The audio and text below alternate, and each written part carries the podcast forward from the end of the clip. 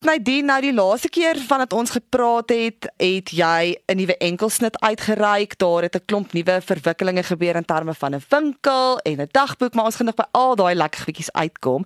Vertel net eers 'n bietjie vir my, hoe gaan dit nou met jou? Die lewe het ook 'n bietjie wipplank gery hierso so deur die helfte van die jaar as mense dit so kan stel. Maar ja. ek glo mense sal graag wil weet hoe gaan dit nou met jou? Hoorie, ek moet vir jou sê 2023 is 4 jare in 1. Eh, ons het 4 jaar letterlik in 1 jaar hierdie jaar want ek sê vir sê nie net aan my kant ek vind oral om my ook dis 'n jaar wat nogal rof is vir baie baie mense. En ja ek was vroeër hierdie jaar wel nie vroeër hierdie jaar nie eintlik so 2 maande gelede redelik baie aan die gang gewees met al die hospitaal dinge en met baie media op daai stadium gesels. So dit dit was 'n verskriklike uitdagende tyd vir my emosioneel fisies en ook geestelik maar ek dink as mens agterna net so 'n bietjie kan stop en kan asemhaal dan vind jy tog jouself maar weer na die hele proses. Ek wonder altyd hoe hanteer 'n mens daai tipe belangstelling? Ek meen dit is iets verskriklik rof in jou persoonlike lewe en tog is daar soveel belangstelling. Ja, weet jy hoe sien ek dit? Ek sien dit absoluut as sien dit vir wat dit is. Daar's jy gaan altyd mense kry wat opreg belangstel en wat vir jou bid en wat vir jou daar is en wanneer dinge so hand uitdruk. Ek dink enigiets kan veel erger as dit raak in jou lewe wat jy letterlik langs 'n bed staan waar daar lewe en dood enige oomblik kan wees, nie weet. En ek dink dit hou jou verskriklik grounded. Dit sit jou voet op die grond en jy besef, okay, jy kan nie uit hierdie situasie uit nie. Jy moet deur hierdie vuur gaan en dan doen jy dit regtig met gebed, met geloof, met genade ook vir jouself. En ek dink op daai stadium dit raak baie duidelik. Hoe meer mense eintlik bid, hoe meer jy in so 'n situasie so duideliker raak het wanneer jy in die oog van die storm is, is dit mos eintlik amper stil want jy sien alles om jou gebeur. Op daai oomblik kan jy eintlik maar dadelik onderskei tref tussen wat goed is, wat opreg is, wat nie altyd so goed is nie want jy kry maar altyd 'n 'n goeie dosis van die ongemak saam met die opregte belangstelling. Maar ek moet vir jou sê, mense het my weggeblaas met hulle onwrikbare geloof, hulle gebede, hulle ondersteuning en hulle liefde. In sulke tye besef jy werklik hoeveel krag daar in gebed is en hoe mense jou dra met hulle liefde en met hulle konstante ondersteuning en belangstelling. Maar jy haal daarom nou weer 'n bietjie asem, nê? Nee, dit gaan definitief beter. Letterlik en figuurlik. Ja, ironies want longe was juist die groot probleem gewees. En suurstof en om asem te haal en ek dink dit voel vir my letterlik van COVID af en ek het dit laas ook gesê ek was dit voel vir my van COVID af asof alles net die wêreld is op sy kop. So dit is so groot uitdaging ek dink vir almal van ons teesdae om letterlik net kop be water te hou. Van my vriende, kollegas, familie. Niks is net meer maklik nie. Jy gaan nie meer 'n naweek in en dink ag, is Vrydagmiddag, ek gaan net ontspan nie, jy weet. Maar op 'n of ander dag is daar nog soveel om voor dankbaar te wees en ons het almal nog mekaar. Weet en gesondheid is maar die belangrikste ding in jou lewenskwaliteit. Mense hou daaraan vas en ek dink ook dit gee vir jou 'n bietjie meer as jy deur so iets gaan gee vir 'n bietjie meer perspektief oor die feit dat jy eintlik enige dag nie meer op aarde kan wees nie. Jy kan enige dag kan jou laaste dag wees. So jy moet jy moet regtig dis 'n klise, jy moet regtig as jy vandag voel, yes, daar's iemand wat jy moet bel. Jy moet iets uitsorteer of jy moet daai persoon sê hoor jy so lanklaas van jou gehoor. Is jy okay? check net so 'n bietjie in op mekaar want dis daai goed wat regtig aan die einde van die dag die verskil maak in mense se lewens. Die vorige keer wat ons gesels het, het jy met my gepraat oor liefde sonder 'n maar. Toe was dit nog vars, splinter nuut. Kom ons praat bietjie oor hoe mense die liedjie ontvang het en terugvoer wat jy gekry het. Yes, ek moet vir sê dit was verskriklik positief geweest. Deesdae met sosiale platforms, dit is as jy liedjies aflaai of as jy stroom, dis nogal 'n uitdaging om te sien waar liedjies se suksesvlak werklik is, want voorheen kon jy dit eintlik maar bepaal deur die hoeveelheid verkope wat jy gehad het. Nou word daar toekennings uitgereik vir soveel strome en soveel keer wat liedjie afgelaai is wat wonderlik is, maar dit is maar nie vir my heeltemal dieselfde as in die ou dae nie. Weet jy, kon 'n goue plaat in jou muur hang of jy kon 'n CD toekenning kry. So nou is dit 'n bietjie anders. Ek bepaal maar die, die liedjies se sukses eintlik op die terugvoer wat ek kry wanneer ek vertonings doen. So wanneer ek eers sing, mense sing dit saam of hulle geniet dit of hulle hou daarvan of hulle vra hoorie so, waar kan ons dit kry? Waar kan ons dit kyk? Dan voel jy half, okay, nou kan jy sien weet hoe goed die liedjie regtig gedoen het al dan nie. So die terugvoer was baie positief geweest en ek spesifiek honger, honger vir nuwe materiaal en vir nuwe liedjies en ek dink voor die einde van die jaar gaan daar eendag die goedjies gebeur. Dit klink baie opwindend. Nou soos jy genoem het, sing jy nog steeds reg oor die land. Ja.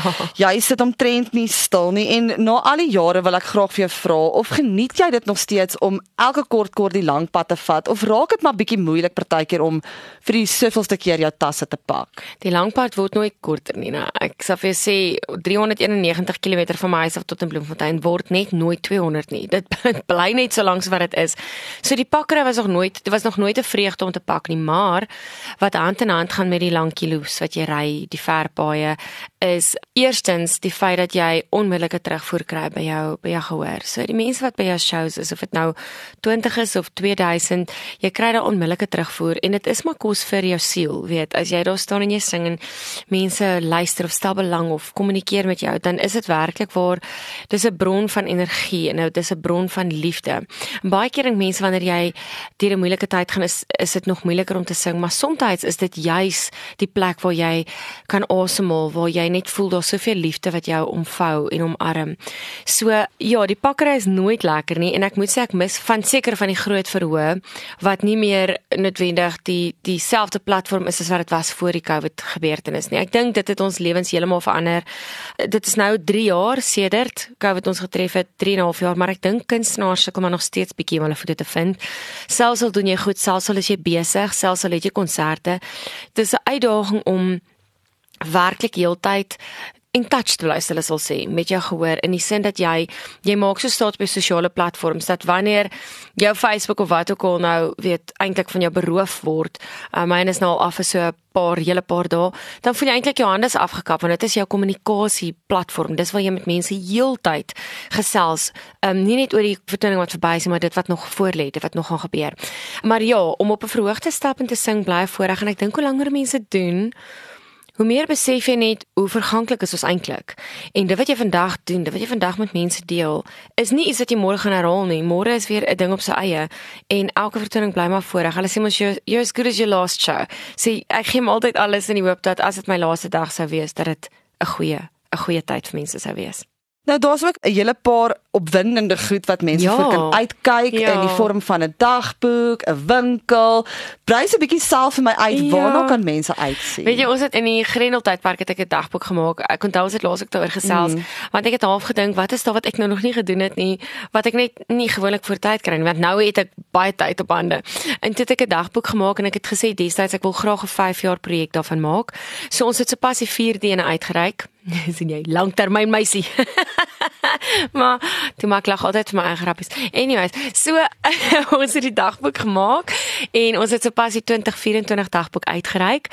En ek kan nou nie vir mense sê ek kan nou op my Facebook bladsy gaan vir dit nie totdat hy nou weer aanlyn is hopelik binnekort dan um, kan mense slank 'n kontaknommer skakel dis 082 893 7836 dis Karin en jy kan by haar die dagboek bestel ons het 'n A4 en A5 en hierdie jaar het ek eintlik baie gefokus op my klere vertoning So ek het 'n hele fotosessie vooruit beplan rondom kleure, die ontploffing van kleure in jou lewe, die seisoene wat jy gaan wat ook maar eintlik kleure is. En hier waar ek net vandag sit en gesels, um, kyk ek lyk like definitief nie soos Margot Robbie nie, maar ek is in my pink hempie en toe ek vir Morina toe ry, toe dink ek die eerste man wat vandag vir my sê, "Oeg, maar jy's daar helder in die pink," gaan ek sê, "Maar onthou net Barbie het ook bruins na." En nou sit dit letterlik jou make-up vas, maar ek sien jy's ook vanmôre pragtig in jou pers en ja, wat 'n voorreg dat dit nou lente is. So ja, so ek het hierdie dagboek gemaak met die tema van klere. Ek het ook my klere vertoning nou die dag bekend gestel by Atterbury Theater en uh, in Pretoria en toe was ek daarna met hierdie vertoning Kaap toe gewees en ek is nou in Silver Star en ek is een van die daar by die Barnyard in vereniging. So die mense kan uitkyk daarvoor. Kom sê hallo en die dagboek is ook daarop gebaseer. So al die foto's binne in die boek is 'n ontploffing van kleur en ons het so 'n bietjie meer alternatief gegaan met een of twee van die fotootjies ook wat vir my lekker is, bietjie uitdaging. So nie elke foto is net 'n glimlag foto nie. Partytjie doen ons ook introspeksie. Dis tog vir oor 'n dagboek gaan om jou lewe te beplan en alles in mekaar te sit. Laat dit sin maak in vir jou dat dit natuurlik 'n doel en 'n nut het. So dis 'n lekker dagboek. Kry hom nou, bestel hom nou. Ons baie skryfplek, selfs vir uitgawes maandeliks. En nog iets waarna mense kan uitsien is die Fluweel konsert. Ja. Dit is op die 9de September. Vertel ons net 'n bietjie meer, wie kan mense verwag? Watse musiek gaan julle sing? Ja. Vertel ons Hoorie, meer. dit gaan regtig 'n baie baie spesiale aand wees. Ons eerste fluweel konsert was besonders geweest en hierdie is die opvolg. Hierdie is die tweede fluweel. Ek dink hierdie vertoning gaan net elke jaar beter raak. Ons het vir Johan Huystek wat die hele produksie aan mekaar sit wat ongelooflik talentvol is en um, ek weet die mense gaan regtig iets kry wat hulle nie verwag het nie. Hy het ook my klere vertoning aan mekaar gesit. So hy's baie baie talentvol en baie in voeling met die gehoor met wat mense graag wil sien en wat hulle verwag. Wat jou verwagting is wanneer jy in daai stoel sit en jou kunstenaar vir wie jy 'n kaartjie gekoop het kom opgestap. So dis ek wat daar sing. Dit is Rocco de Villiers wat gaan speel. Ek sien nogal uit om saam met hom te werk. Dan natuurlik Roan de Tooi, Ray Dillon, Jacques de Priester en 'n nuwe klein meisietjie wat ook sing. Haar naam is Lenay. So ons gaan op die verhoog wees en al die treffers wat ons al gehad het, as ook liedjies wat ons nooit eintlik sing op 'n verhoog nie, gaan met 'n lewendige orkestrasie of of uh, musikante op die verhoog.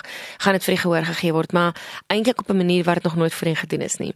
So ek en Roan doen ietsie saam en dit gaan regtig net 'n aand wees. Ek dink mense gaan uitstap en sê Wow, ons het dit nie verwag nie. En wanneer is die volgende een? Maar ons doen net een 'n jaar, so maak asseblief seker jy kry jou kaartjies vir die 9de en dit is by Emperor's Palace. Jy kan jou kaartjies nou bespreek by www.vtickets.co.za. www.vtickets.co.za.